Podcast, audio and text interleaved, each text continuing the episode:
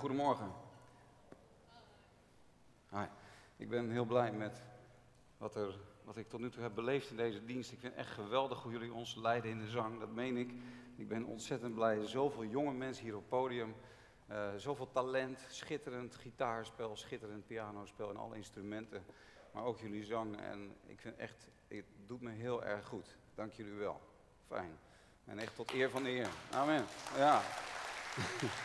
ik, denk, ik denk dat er heel veel kerken zijn die, uh, die jaloers op, ons zijn. Dat zulke, zoveel jonge mensen hier ook zijn en dat zoveel jonge mensen ook willen meewerken in de gemeente. Uh, we gaan met elkaar lezen. Ik wil twee tekstgedeeltes met jullie lezen. Het eerste is uh, uit Johannes hoofdstuk 14. We gaan nadenken over Pinksteren, over de inwoning van de geest in de gemeente en de inwoning van de geest in ons eigen leven, in ons eigen, bij onszelf. En um, het is een geweldig rijk onderwerp. En uh, ik wil met u lezen Johannes 14 en ook uit Handelingen hoofdstuk 2. Johannes 14 vanaf vers 15 lezen we als eerste.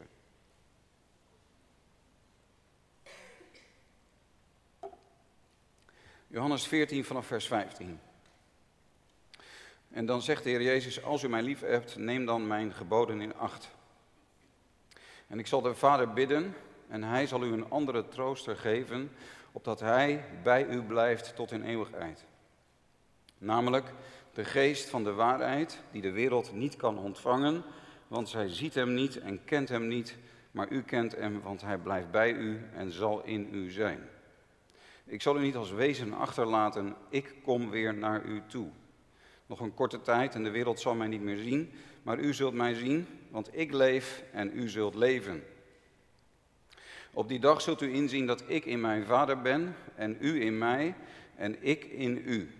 Wie mijn geboden heeft en die in acht neemt, die is het die mij lief heeft. En wie mij lief heeft, hem zal mijn Vader lief hebben en ik zal hem lief hebben en mijzelf aan hem openbaren. Judas, niet de Iscariot, zei tegen hem: Heer, hoe komt het dat u zichzelf aan ons zult openbaren en niet aan de wereld? Jezus antwoordde en zei tegen hem: Als iemand mij lief heeft, zal hij mijn woord in acht nemen. En mijn vader zal hem lief hebben, en wij zullen naar hem toekomen en bij hem intrek nemen. Tot zover. En nou lezen wij met elkaar uh, in Handelingen hoofdstuk 2. Handelingen 2.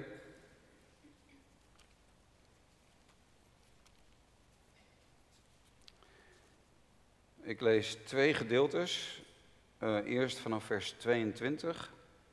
Dit is natuurlijk uh, de preek van Petrus nadat de geest is uitgestort. En dan gaat het er even om waar Petrus vooral op wijst in zijn prediking. Uh, we lezen eerst Handelingen 2, vers 22. Israëlitische mannen, luister naar deze woorden. Jezus de Nazarener, een man die u van Gods wegen aangewezen is door krachten, wonderen en tekenen die God in uw midden door hem gedaan heeft, zoals u ook zelf weet. Deze Jezus, die, die overeenkomstig het vastgestelde raadsbesluit en de voorkennis van God overgegeven is, hebt u gevangen genomen en door de handen van onrechtvaardigen aan het kruis gespijkerd en gedood. God heeft hem echter doen opstaan door de weeën van de dood te ontbinden, omdat het niet mogelijk was dat hij daardoor vastgehouden zou worden. Nou lezen we verder in vers 33. Hij dan, die door de rechterhand van God verhoogd is en de belofte van de Heilige Geest ontvangen heeft van de Vader, heeft dit uitgestort wat u nu ziet en hoort. David is immers niet opgevaren naar de hemelen, maar hij zegt, de Heere heeft gesproken tot mijn Heere, zit aan mijn rechterhand, totdat ik uw vijanden neergelegd zal hebben als een voetbank voor uw voeten. Laat dan heel het huis van Israël zeker weten dat God hem tot een Heere en Christus gemaakt heeft, namelijk deze Jezus die u gekruisigd hebt. En toen zij dit hoorden, werden zij diep in het hart geraakt en zeiden tegen Petrus en de andere apostelen, wat moeten wij doen, mannenbroeders? En Petrus zei tegen hen, bekeer u en laat ieder van u gedoopt worden in de naam van Jezus Christus tot vergeving van de zonden. En u zult de gave van de Heilige Geest ontvangen. Tot zover. We denken eerst na over het wezen van Pinksteren. Nou, er gebeurden heel bijzondere dingen op die eerste Pinksterdag. Uh, plotseling verschenen aan hen tongen als van vuur en die zetten zich op ieder van de discipelen. En ze begonnen allemaal in vreemde talen te spreken en de Heer te loven en groot te maken in talen die ze zelf niet eens kenden. En de mensen daaromheen, we lezen over 17 volkeren of mensen uit 17 verschillende landen, landen die daar aanwezig waren, die konden de discipelen horen praten en de Heer konden, ze konden hen de Heer horen loven in hun eigen taal. Dus, en er was ook een geluid van een geweldige windvlaag. Dus er gebeuren heel spectaculaire dingen. Uh, er gebeurden bovennatuurlijke dingen. En het was um, heel bijzonder wat er gebeurde. Maar waar ik u als eerste op wil wijzen, is dat als Petrus zijn prediking begint, dat hij niet begint over die tongen van vuur. Hij begint ook niet over die geweldige windvlaag en dat enorme geluid wat er in één keer was. Wat ons trouwens doet herinneren aan Exodus 19 en Exodus 20. Uh, de berg, als de Heer neerdaalt op de berg en de berg, de berg in vuur is en als er ook een enorme gedonder is daar bij die berg. Dat is een parallel natuurlijk, maar Petrus heeft het niet over die uiterlijke dingen. Hij heeft het niet over die, over die verschijnselen, zou je kunnen zeggen. Hij gaat naar de kern, hij gaat naar het wezen van Pinksteren. En dat is een heel belangrijke les voor ons, want um, het is menselijk en op de een of andere manier willen mensen dat graag om uiterlijke dingen te zien. De mens heeft een neiging om zich te focussen op de uiterlijke dingen. En soms als er gesproken wordt over revival of over opwekking of over de geest, dan wordt er vaak de nadruk gelegd op uiterlijke dingen. Of niet vaak, maar soms. En dan denken mensen, nou weet je, als er maar wat gebeurt, als, er maar, als mensen maar beginnen te trillen, of als mensen maar misschien vallen, of als mensen maar in tongen beginnen te spreken, of als mensen uh, iets zien of zo, of weet je, soms dan kunnen er ook fysieke verschijnselen zijn, maar maar het is niet bijbels om daar de nadruk op te leggen. Ik zou zelfs willen waarschuwen voor vreemd vuur op het altaar. In, in sommige ultra-charismatische kringen is het bijbelse ver te zoeken. En ik wil u daar echt voor waarschuwen. Als er samenkomsten zijn waar mensen vooral gefocust zijn op, op dat je plotseling lichamelijk iets meemaakt. Of dat je plotseling heel erg uh, extatisch wordt. Of dat mensen helemaal beginnen te trillen of te shaken of uh, beginnen te gillen. Of, nou ik zal u de details besparen, want de meest bizarre dingen gebeuren er soms in, het, in de naam van de geest. Maar het is echt niet waar het om draait. In de echte opwekkingen, ik heb in mijn studententijd, heb ik echte geestelijke opwekkingen ook bestudeerd. Ik ben zeer gecharmeerd van wat een echte opwekking is. En ik verlang met mijn hele hart naar een, naar een geweldige, krachtige doorwekking van de Heilige Geest. Ook in onze tijd en in ons midden. Maar de, de, de opwekkingspredikers waarschuwden voor de nadruk op dit soort fysieke dingen. Daar gaat het echt niet om. Ik vind ook de nadruk op lichamelijke genezing en in genezingsdiensten waarin duizenden mensen beloofd wordt dat God een wonder voor hen wil doen en dat iedereen maar een wonder van God moet verwachten, is niet bijbels. De wonderen gebeurden in de tijd van de apostelen, in de tijd van Jezus. Die dingen vonden plaats. Maar Jezus heeft nooit iedereen een wonder beloofd. De apostelen hebben nooit iedereen een wonder beloofd. Het is gewoon niet bijbels om 10.000 mensen te beloven dat als ze maar verwachten dat God een wonder van genezing zal doen. Dat is niet bijbels. Die dingen gebeurden. Je gaat het niet aan 10.000 mensen beloven. Dus je moet oppassen voor dwaling. Het wezen van Pinksteren. En dat is wat we heel duidelijk zien in, um, in Handelingen hoofdstuk 2. Dat, dat Petrus, als deze spectaculaire dingen zijn gebeurd, hij predikt Jezus. Hij zegt, wat hier gebeurd is, is een bewijs dat Jezus Christus, die kort geleden in ons midden, en hij zegt zelfs tegen de mensen die naar hem luisteren, door jullie, is gekruisigd, is gedood. De dood kon hem niet vasthouden. Hij is opgestaan uit de dood. Hij is gezeten aan de rechterhand van God de Vader. Hij heeft gekregen zoals hij had gezegd, alle macht in de hemel en op de aarde. Hij is de Heer, hij is de koning, hij is de verheerlijkte. En hij heeft nu gedaan wat hij beloofd heeft. Hij heeft de geest uitgestort. En dus moet heel het huis van Israël zeker weten dat deze Jezus onze Messias is. Hij predikt Jezus. En het wezen van Pinksteren is dat de Heer Jezus door zijn geest komt tot zijn gemeente. Het wezen van Pinksteren is de aanwezigheid van de Heer Jezus Christus in ons midden. Hij had gezegd, ik zal u niet als wezen achterlaten, maar ik kom tot u. Ik kom tot u. De aanwezigheid van de Heer bij zijn discipelen. Ik denk, als we er goed over nadenken, dan is het zelfs zo. En daarom zei Jezus ook, het is nuttiger, het is beter voor jullie dat ik heen ga. Weet je, wij denken aan de discipelen. En dan denken wij aan, um, wij denken aan het, het fantastische natuurlijk, het, het, het fenomenale en het, het historische, de, wat er gebeurd is toen Jezus op aarde was. En wat Petrus en Johannes en Jacobus en de andere apostelen meemaakten, dat ze met Jezus mochten leven. Dat ze mochten zien hoe hij zieken genas. En, en het onderwijs dat hij gaf. En geweldig, en daar lezen wij over. En daar moeten we ook over blijven lezen. En daar word je vol van. Maar, maar toch zei de Heer Jezus, beter voor jullie dat ik heen ga. En als we er goed over nadenken, dan komen we erachter dat Petrus en Johannes en Jacobus en alle discipelen, dat ze na de uitstorting van de geest Christus beter leerden kennen dan toen hij op aarde was.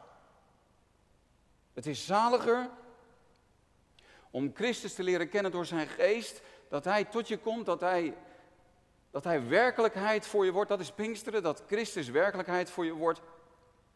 En Petrus leerde de Heer Jezus meer dan ooit kennen op de eerste Pinksterdag. Want het is Christus in ons, het is een eenheid met de Heer Jezus zoals zij daarvoor nog niet hadden meegemaakt. En dat is, ja, dat is het heerlijke van wat God geeft aan zijn gemeente. Je zou kunnen zeggen, Pinksteren betekent niets anders dan Immanuel. God met ons. Hij zelf. Hij die neerdaalt en in ons midden woont. Wij die een tempel van de geest mogen worden. Een woonstede van God. We hebben gezongen. Hij woont bij ons. Prachtig, de liederen sluiten perfect aan. Hij woont bij ons. Maar het gaat om Hem. Het gaat om Zijn aanwezigheid. Kijkt u maar naar wat we lezen in Johannes hoofdstuk 14. Dan zegt de Heer, opdat Hij bij u blijft tot in eeuwigheid. Hij. Het gaat om de trooster, de trooster die bij ons blijft. Weet u, we zitten hier vanmorgen en um, ik ben net terug, ik ben net gisteravond teruggekomen van een reunie. Ik heb echt fantastische dagen meegemaakt. Ik heb um, wij zijn op de Bijbelschool waar ik van 1985 tot 1989 studeerde in Brussel. Zijn wij met meer dan 50 oud-studenten uit die periode bij elkaar gekomen. En we, ik zat toen op een school waar meer dan 40 nationaliteiten vertegenwoordigd waren. En we hebben echt zulke fijne dagen gehad. We hebben elkaar na 30 jaar weer ontmoet. En we hebben aan de hand van vijf foto's allemaal een beetje verteld over ons verhaal, over ons leven. En ik ben erachter gekomen dat we hebben, we hebben allemaal mooie dingen meegemaakt, maar we hebben ook allemaal moeilijke dingen meegemaakt. En er was ook veel gebrokenheid waarin alle openheid en kwetsbaarheid over gesproken werd. Weet je, en, en dat is ook onze ervaring, dat is ook uw ervaring, dat is ook jouw ervaring, ook al ben je nog maar een tiener. Er is ontzettend veel gebrokenheid. Er zijn grote teleurstellingen in het leven, maar de geest is de trooster. Misschien zit je hier vanmorgen wel en vraag je je af, zou ik ooit nog blij kunnen worden?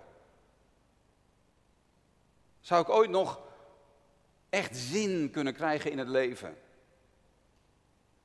Zou ik ooit nog weer kunnen opleven? Want misschien voel je wel dat je een beetje, ja, dat je zwak bent geworden en dat je misschien wat, dat, dat, dat de, de kracht wat is uitgedoofd in je leven, dat je bent aangeraakt, dat je beschadigd bent. Misschien vraag je je af, zou het, zou het nog wel weer goed kunnen komen met mij? Maar weet je, gisteren en eergisteren ook zoveel mensen, zulke moeilijke dingen. Maar de geest is de trooster. En hij troost. En zijn aanwezigheid maakt alles anders. Immanuel, God met ons, eerbied. Want God is in ons midden. Dat is het lichaam van Christus. En zelfs als je een tiener bent, mijn leven is radicaal veranderd op 14-jarige leeftijd. Ik was ook beschadigd door de scheiding van mijn ouders. Ik was beschadigd door de ruzies thuis. Het grote verdriet van de afwezigheid van mijn vader. Ik kan er nog pijn over hebben. De afwezigheid van mijn vader vanaf mijn tiende. Jij hebt ook je dingen. Jij hebt ook dingen die moeilijk zijn. De gebrokenheid. Maar de Heer komt in je leven. De, de geest komt. Je wordt aangeraakt. Er gebeurt iets vanuit de geopende hemel. En dan wordt het toch anders. Dat wil niet zeggen dat alle pijn gelijk voorbij is. Maar dat je merkt dat Jezus tegen je zegt: Ik ben bij je. Ik ben erbij. Hoef je niet uh, van alles fysieks te hebben ervaren of extatische dingen te hebben meegemaakt of, of niets te zijn dat je bent gaan huilen zoals anderen misschien gingen huilen, maar toen Billy Graham tot geloof kwam en tot bekering kwam, toen ervaarde hij helemaal niks. Maar hij merkte wel dat het totaal anders was, omdat vanaf dat moment Jezus in zijn leven was gekomen. Je hoeft niks te ervaren, maar je merkt wel dat Jezus in je leven komt. Dat is Pinksteren. De Heer zegt, mijn vader zal hem liefhebben en ik zal hem liefhebben en mijzelf aan hem openbaren. Wat een woorden. De Heer Jezus zegt, mijn vader zal hem liefhebben, wij zullen naar hem toekomen en bij hem intrek nemen. Wat een intimiteit spreekt er uit deze woorden. Wij zullen bij hem, wij zullen bij haar intrek nemen. De vader en de zoon komen bij ons. De vader troost, de zoon vergeeft, de zoon bevrijdt, de zoon richt op, de zoon leeft en wij leven met hem. Wat een woorden. En dan moeten we ons ook realiseren dat de geest een persoon is. Hij is niet abstracte kracht. De geest is niet de personificatie van kracht. De geest is niet enthousiasme of energie. De geest is niet um, opgepeptheid. Maar de geest is een persoon. Denk er goed over na. Ik, ik heb hier een paar maanden geleden werd ik hier heel diep bij bepaald. De geest is niet energie. Zo van als je maar energetic bent, als je maar shined, als je maar, als je maar enthousiast bent. Nee, de geest is een persoon. En er was een moment dat ik, ik weet niet, soms heb je dat, hè, dan, natuurlijk, ik weet dat al heel lang, dat de geest een persoon is, maar op de een of andere manier drong het zo tot mij door. O Heer, wat heb ik gedaan alsof uw geest iets is? Alsof ik uw geest moest aanwenden, alsof ik, alsof ik uw geest moest genereren of zo. Maar Heer, u bent het. Hij zal bij u blijven. Hij. En ik zag ineens dat ik, dat ik eigenlijk de rol van, van de geest heb willen spelen. Dat ik, dat ik zijn rol heb willen spelen. Dat ik in zijn plaats was gaan staan. Dat ik, dat ik veel te veel heb geleefd alsof hij er niet bij was. En ik zag ineens dat ik een stap terug moest doen. En dat ik naar achteren moest stappen. En, en dat ik opnieuw zei, en voor het eerst misschien wel echt zei, ik geef u de rol die u toekomt. Ik geef u de rol die u toekomt, want u bent een persoon. En weet je, dan ga je bemerken dat Hij, dat Hij bij je is. Dat alles wat je doet, dat mag je doen met Hem. Hij helpt je ook. Denk erover na, dat is heel belangrijk, dat is heel rijk. Ik hoop dat het tot uw hart doordringt. Hij Hij met ons, de Heer met ons. Wij een persoonlijke relatie met de Heer. De geest niet, niet als een abstract iets, maar de geest is alles wat Jezus is. De geest is. De geest laat ons Jezus zien en openbaart dat van Jezus. Het is de Heer zelf die bij ons is. En dat is het erfgoed van de gemeente. Dat is de, de, de erfenis van de gemeente door de dood en de opstanding en de hemelvaart van Jezus. Dat is waar de gemeente, wat de gemeente ontvangt. Dat is de rijkdom van de gemeente. Met Christus, met Hem. En ik durf u te beloven dat als u Hem de rol geeft die Hem toekomt in uw leven, als u dat gaat verstaan wat het betekent om een persoonlijke relatie met de Heer te hebben. Een persoonlijke relatie met de Heer. Dat je met Hem praat en met Hem wandelt en dat je zegt, Heer, met u, samen met u, deze dag, samen met u. En niet meer ik, maar Christus leeft in mij. Als je dat gaat ontdekken, dan komt er rust en ontspanning. En dan, dan inderdaad, dan leef je op. Dan veer je op, dan komt een nieuwe kracht en nieuwe blijdschap. Wat je ook hebt meegemaakt. En dan de vrucht. De vrucht van de geest. De vrucht van Pinksteren is bekwaamheid om te doen. Um,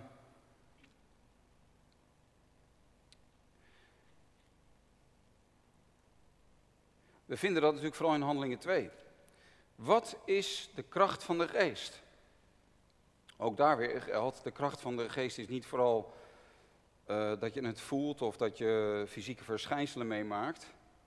Maar de kracht van de geest is dat je ineens kan gaan doen. Petrus die uh, voorheen, hè, zelfs nadat hij Jezus drie jaar had meegemaakt, niet uh, durfde te getuigen van Jezus, uh, ervoor uit durfde te komen dat hij bij Jezus hoorde voor een dienstmeisje, zijn Heer verlogende.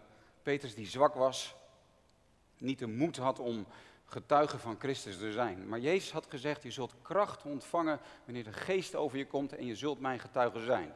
En ineens zien we Petrus, die de geest heeft ontvangen en hij preekt als nooit van tevoren. En hij weet de Bijbel uit te leggen als nooit van tevoren. En hij citeert teksten uit het Oude Testament. Hij heeft ineens inzicht, de geest van de waarheid, openbaart hem de waarheid. Hij heeft ineens, hij heeft de gave van inzicht en wijsheid en hij weet dat te, hij weet dat te gebruiken. En, en de geest leidt hem om Christus te prediken. Hij doet ineens wat hij zelf niet eens kan. En dat is de kracht van de geest. The ability to do, de, de, de bekwaamheid om te doen.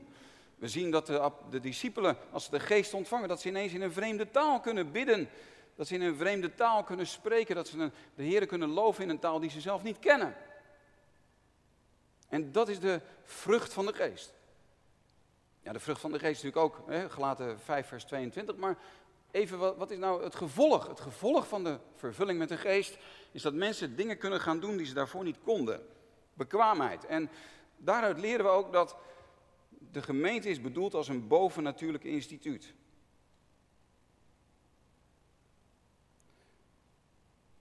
Als het goed is, gebeuren er in het lichaam van Christus dingen die mensen zelf niet kunnen.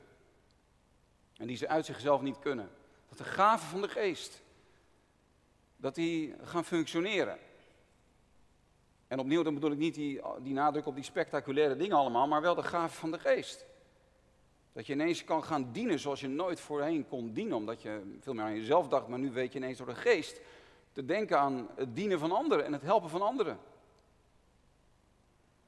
Dat je door de geest ook kan bemoedigen en dat je kan luisteren naar anderen en dat je iets voor anderen kan betekenen. Dat je, hè, zoals in Handelingen 2, dat, dat ze ineens elkaars taal verstonden. Dat je de taal van elkaars hart gaat verstaan. Dat je een ontmoeting hebt met iemand en dat je je hart deelt. En dat je ineens merkt door de geest, wat hebben wij ineens goed persoonlijk contact. En wat kan je een ander dan soms bemoedigen met een enkel woord of met een enkel gebaar of gewoon door te luisteren en er te zijn voor een ander. En dat er van hart tot hart iets gebeurt waardoor een ander wordt opgebouwd. De geest spreekt alle talen, doet ons elkaar verstaan. Dat is bekwaamheid, bekwaamheid om te doen. En zo zijn er veel gaven van de geest. En zo gebeuren er bijzondere dingen. Geloof is niet een doel op zich, maar door het geloof in Jezus ontvangen wij de geest en dan, dan gaan er dingen gebeuren. Dat is, dat is het Nieuwe Testament. En, en daarom denk ik dat, het ook, dat we ervoor moeten oppassen dat we als gemeente van Jezus Christus, dat we niet onze toevlucht nemen tot aardse middelen. Dat we niet, en natuurlijk moeten we ook, hè, in zee, hè, natuurlijk zijn we ook kinderen van onze tijd en gaan we mee met onze cultuur, maar we moeten niet allerlei methodes gaan hanteren die men in de wereld hanteert om maar veel mensen op de been te krijgen. Het is verkeerd als we onze toevlucht nemen tot allerlei strategieën die eigenlijk ten diepste aards en wereld zijn. Waar het om gaat is de kracht van de geest. En soms denk ik wel eens, en nou ben ik even kritisch naar mijn eigen kerkgenootschap toe. Ik zit al jaren in ons eigen kerkgenootschap. En ik, ben, ik hoor bij ons kerkgenootschap. En ik hou van ons kerkgenootschap. Maar ik kom te vaak op vergaderingen, landelijke vergaderingen van ons kerkverband, waarin, ik, waarin er alleen maar vergaderd wordt. Waarin het alleen maar gaat om, om de notulen en om, om uh, de, de beleidszaken en om geld en om secundaire dingen wat mij betreft. En ik durf te voorspellen, als we zo doorgaan, dan gaan er steeds minder oudsten naar onze landelijke vergaderingen komen.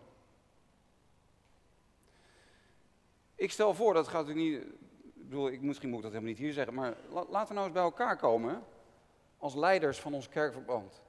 Om met elkaar te praten over hoe kunnen wij vervuld zijn met de geest. Hebben wij de volheid van de geest? Ervaren wij de kracht van de geest? Zijn wij bekleed met kracht uit de hoge? Zijn de gaven van de geest werkzaam in die zin dat mensen doen waar ze zelf niet toe in staat zijn? Gebeuren er bovennatuurlijke dingen in ons midden? Dan bedoel ik niet vooral genezingen en dat soort dingen, maar boven natuurlijk in de zin van dat mensen ineens boven zichzelf uitstijgen en gaan functioneren tot zegen van het lichaam van Christus. En laten we bij elkaar komen om net zo lang met elkaar te praten en te bidden totdat we vervuld zijn met de geest. Want dan zullen we een impact hebben in deze wereld. En de Heer zegt nog steeds tegen ons: Het is niet door kracht of door geweld, maar door mijn geest, zegt de Heer. Het is de bekwaamheid om te doen. En ik weet dat, weet je, Gods geest heeft gewerkt in, in ons leven. Velen van u weten wat het is dat, de geest iets, dat, dat je de geest hebt ontvangen. Je zou niet kunnen zeggen, Jezus is Heer van mijn leven zonder de geest. Je hebt de geest ontvangen. Maar dat wil niet per definitie zeggen dat je dan altijd vervuld bent met de geest. En ik geloof dat er meer is. Ik geloof, ik geloof dat als we dit onderwijs van de Heer Jezus en wat we zien in handeling, als we dat weer tot ons door laten dringen, dat, dat, we gaan, dat we weer geloof krijgen in Gods werk. Dat we weer verwachting krijgen van wat de Heer in ons midden kan doen. En dat als we, als we gehoor geven ook aan de oproep van Paulus, word vervuld met de geest. En spreek onder elkaar met lofzangen en geestelijke liederen. En loof de Heer van harte. En dat we ons uitstrekken naar die volheid van de geest.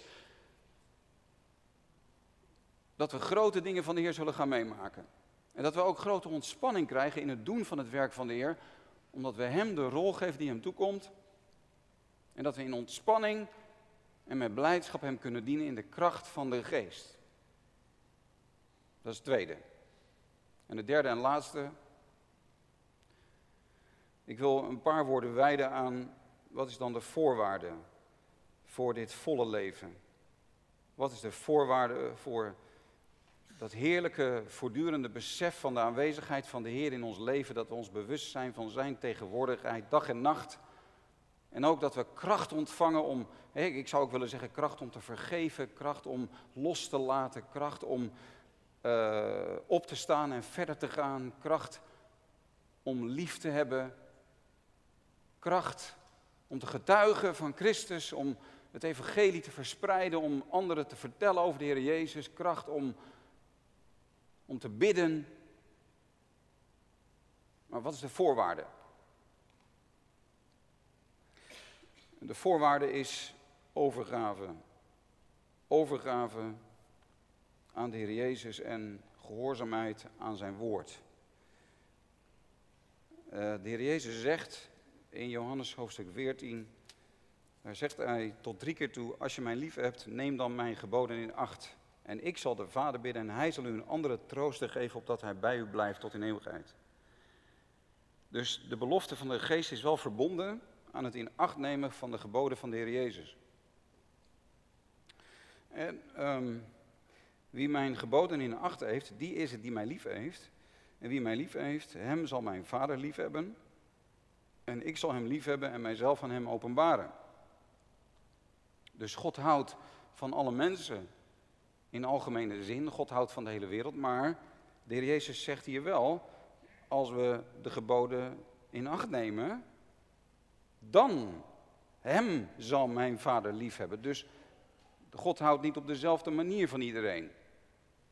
Daniel bijvoorbeeld wordt in Daniel genoemd als, als een engel aan hem verschijnt. Wordt Daniel genoemd zeer beminde man. Daniel was dus bijzonder bemind door God. Waarom? Omdat hij zijn leven heiligde. Omdat hij zich niet wilde besmetten met de onreine dingen van het rijk waar hij in woonde en werkte. Hij deed niet mee met die verkeerde dingen. En toen kwam de engel tot hem en zei tegen hem, je bent een zeer beminde man. Jezus zegt hier, als je mijn geboden in acht neemt, mijn vader zal je liefhebben en ik zal je liefhebben en mijzelf aan jou openbaren. Dus een vollere openbaring van de Heer Jezus en ook een vollere beleving van de liefde van God. En dat, we, dat, hè, dat, dat ons hart ook vervuld is met de liefde van God door de geest. Romeinen 5 vers 5. Weet je, die volheid van God in ons leven is wel verbonden aan de gehoorzaamheid aan de geboden van de Heer Jezus. Als iemand mij lief heeft en mijn, mijn woord in acht neemt, mijn vader zal hem lief hebben, wij zullen naar hem toekomen en bij hem intrek nemen. Jezus herhaalt het tot drie keer toe in Johannes hoofdstuk 14. Er is een voorwaarde aan verbonden. Ik kwam laatst deze uitspraak tegen. Het is een beetje radicaal, maar luister naar wat iemand anders zei. De meeste mensen willen niet vervuld worden met de geest. We kunnen het erover hebben. We kunnen erover lezen. En we kunnen zeggen, ja dat wil ik wel, maar ten diepste zijn er heel veel mensen, zegt hij, die dat helemaal niet willen. Want ze willen wel hun eigen leven blijven leiden. En ze willen de Heilige Geest een beetje als een extra erbij hebben. Als wij mensen zijn die hun eigen leven willen blijven leiden. En die ten diepste heer en meester van hun eigen leven blijven.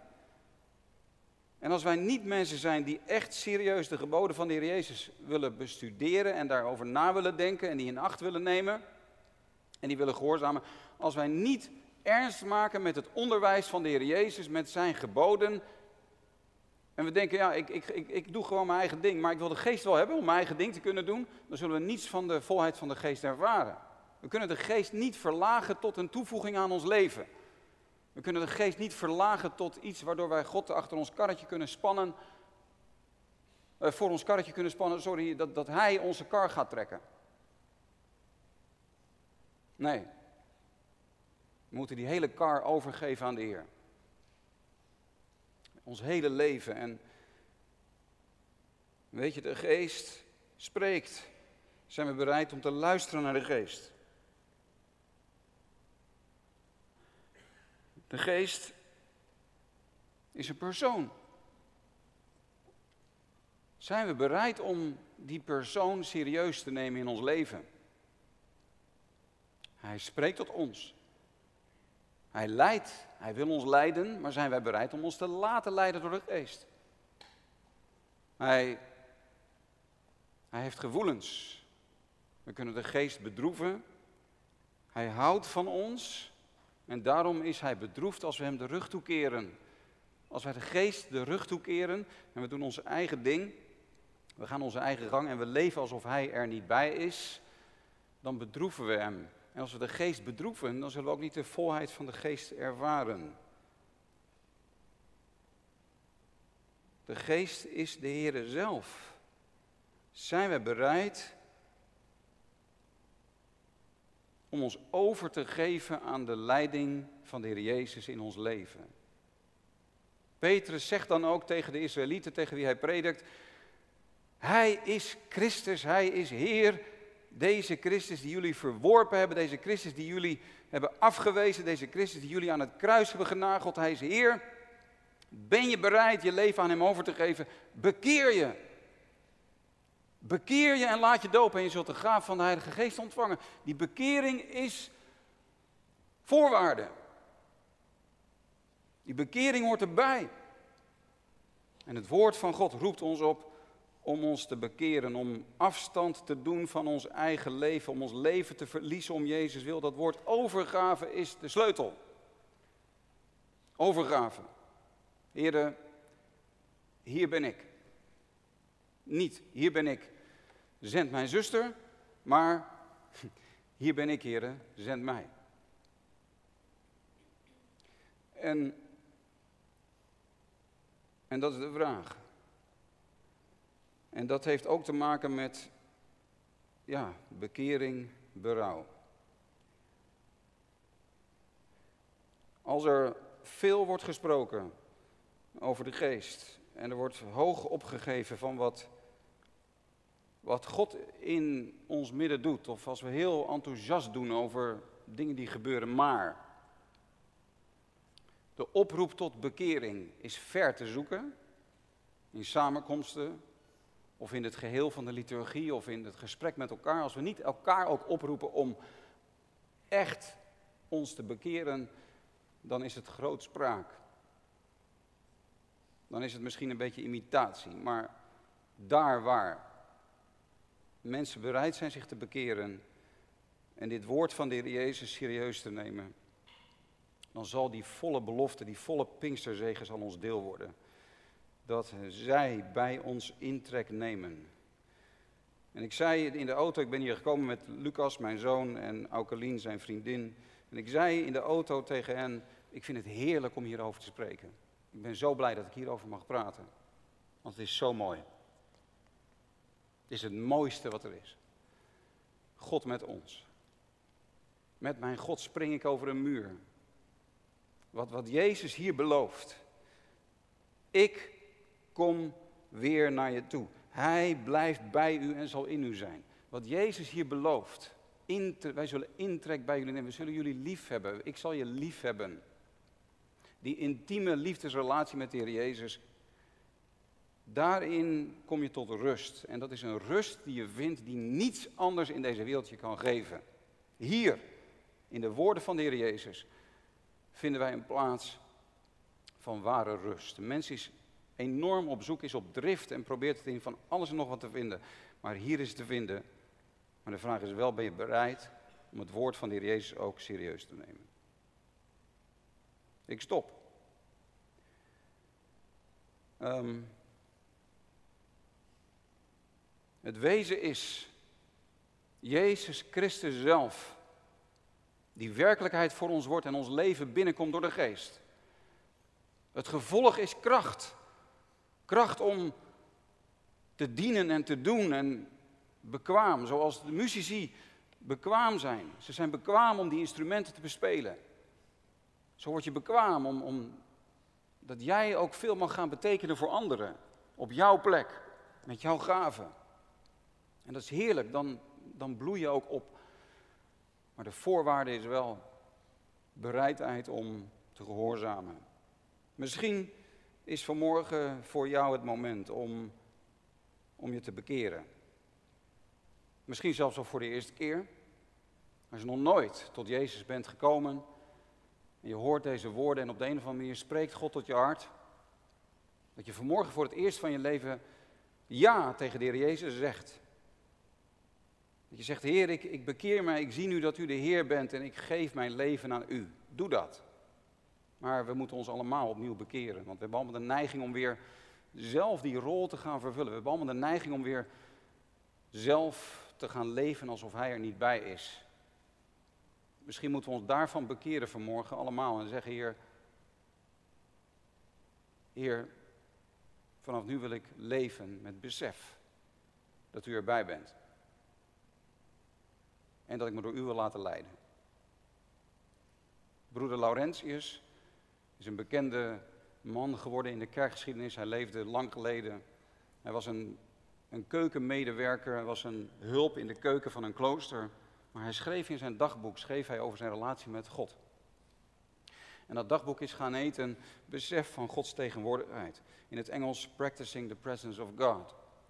En hij beschrijft erin hoe hij geleerd had om, om, ehm, om alles wat hij deed. En wat, waar, hij, waar hij vooral beroemd mee is geworden, is dat hij schreef: Zelfs als ik iets opraap wat op de grond is gevallen in de keuken. en ik raap dat op en ik gooi dat in de prullenbak. dan doe ik dat als een daad van liefde voor de Heer. Dat doe ik als een daad van aanbidding. En hij zei ook: Als mijn leven hier op aarde voorbij is, dan verandert mijn beroep eigenlijk niet. Want mijn beroep is om de Heer te aanbidden. En dan ga ik gewoon verder met Hem aanbidden. En alles wat ik, wat ik, wat ik doe in dit leven, dat, dat wil ik zoveel mogelijk doen uit aanbidding voor de Heer. En hij zegt, mijn leven straks gaat gewoon verder in het aanbidden van de Heer. Ik denk dat dat de geest van het Nieuwe Testament is. En dat is de geest van Pinksteren. Dat je je bekeerd hebt, dat je niet meer voor jezelf leeft, maar dat je voor Hem leeft. En dat je dan die, ja, die voortdurende aanwezigheid van de Heer, maar ook die intieme relatie met de Heer, mag ervaren. En dat maakt alles anders. Halleluja. Zullen we stil worden voor zijn aangezicht? Laten we stil worden voor de Heer.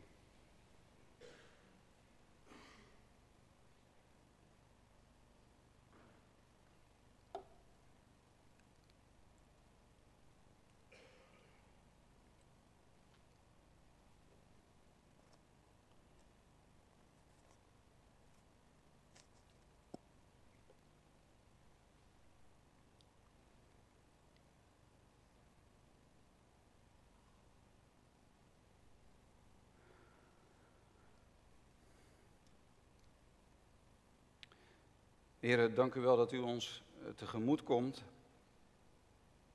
Dat het waar is wat uw woord zegt als wij tot u naderen, dat u tot ons nadert. Dank u, Heer, dat u ons roept tot het wandelen met u. Dank u voor de volle Pinksterzegen. Dank u voor troost in ons lijden. Dank u, Jezus, dat u leeft. Dat u heeft gezegd, want ik leef en u leeft met mij. Dank u dat we met u mogen leven. En dat we mogen herleven. Dank u, Heer, dat, dat we uw kracht mogen bemerken. Telkens weer zal ik uw kracht verstaan. Wilt u ons vullen? Wilt u ons dopen? Wilt u ons doen overstromen? Wilt u die stromen van levend water in ons binnenste geven? Heer, we zijn dorstig, maar u heeft stromen van levend water beloofd. En dat geeft u ook vanmorgen, ook hier en nu. We komen tot u, Heer, met onze verlegenheden, met onze zonden. En we willen ons ook bekeren deze morgen. En tegen u zeggen, hier ben ik. Heer, dank u dat u hier bent. Ontvang onze lof. Ontvang onze aanbidding. Dank u voor de zegen, Heer, van uw aanwezigheid. We prijzen uw naam. We willen u eren, Heer. Geprezen zij uw naam. Halleluja. Amen. We gaan samen